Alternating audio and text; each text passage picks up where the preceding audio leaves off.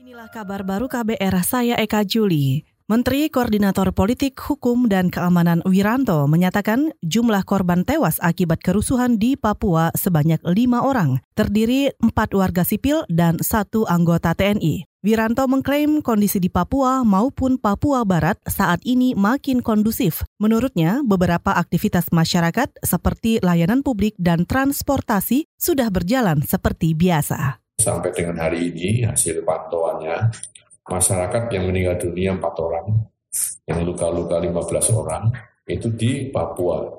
Papua Barat malah meninggal dunia nihil, luka-luka juga nihil. Luka ringan ada memang tapi tidak dihitung lagi. Untuk TNI Polri di Papua ya itu meninggal satu orang TNI, luka-luka dua orang anggota Polri.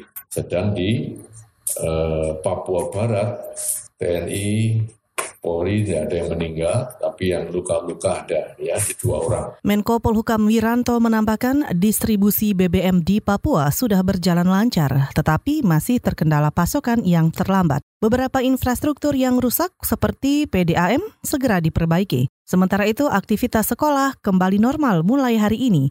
Wiranto berjanji segera berkoordinasi dengan tokoh agama dan masyarakat setempat untuk memelihara situasi damai di bumi Cendrawasih. Kepala Kantor Staf Presiden Muldoko menyatakan tidak ada koreksi terkait 10 nama calon pimpinan KPK yang diserahkan Presiden Joko Widodo ke DPR. Muldoko beralasan kandidat yang terpilih telah melalui proses seleksi yang panjang dan sesuai prosedur. Ia membantah Jokowi terburu-buru ingin melempar polemik soal capim KPK ke DPR. Menurut saya sih semuanya prosedur telah berjalan ya. Kalau prosedurnya sudah berjalan, eh, kenapa mesti berlama-lama kan gitu ya jadi ini hal yang wajar ya hal yang wajar itu tadi Kepala Kantor Staf Presiden Muldoko. Kemarin DPR menerima surat dari Presiden Jokowi terkait 10 nama capim KPK. Proses seleksi mendapat sorotan dari masyarakat sipil karena dari 10 nama yang terpilih, beberapa di antaranya memiliki rekam jejak bermasalah. Kementerian Agraria dan Tata Ruang mulai menerapkan digitalisasi layanan pertanahan. Kemarin, layanan pertanahan berbasis elektronik berupa hak tanggungan diluncurkan. Layanan ini untuk memberi kemudahan bagi masyarakat dalam berbisnis hingga mengurus kredit perumahan rakyat KPR. Dirjen Hubungan Hukum Keagrariaan Suyus Windayana mengatakan, salah satu manfaat digitalisasi layanan ini adalah efisiensi waktu uh, ini 40% layanan, kemudian nanti ke depan setelah layanan ini akan uh, layanan ini berjalan dengan baik, ada 30% atau 40% layanan lainnya itu adalah peralihan dan itu akan segera kita persiapkan baik dari sisi aturan, dari sisi perangkat, dari sisi sosialisasi.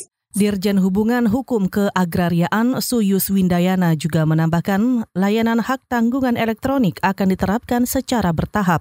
Untuk tahap awal, layanan diberikan di 42 kantor di 20 provinsi, antara lain di Jabodetabek, Bandung, Surabaya, Palembang, Medan, Balikpapan, dan Makassar.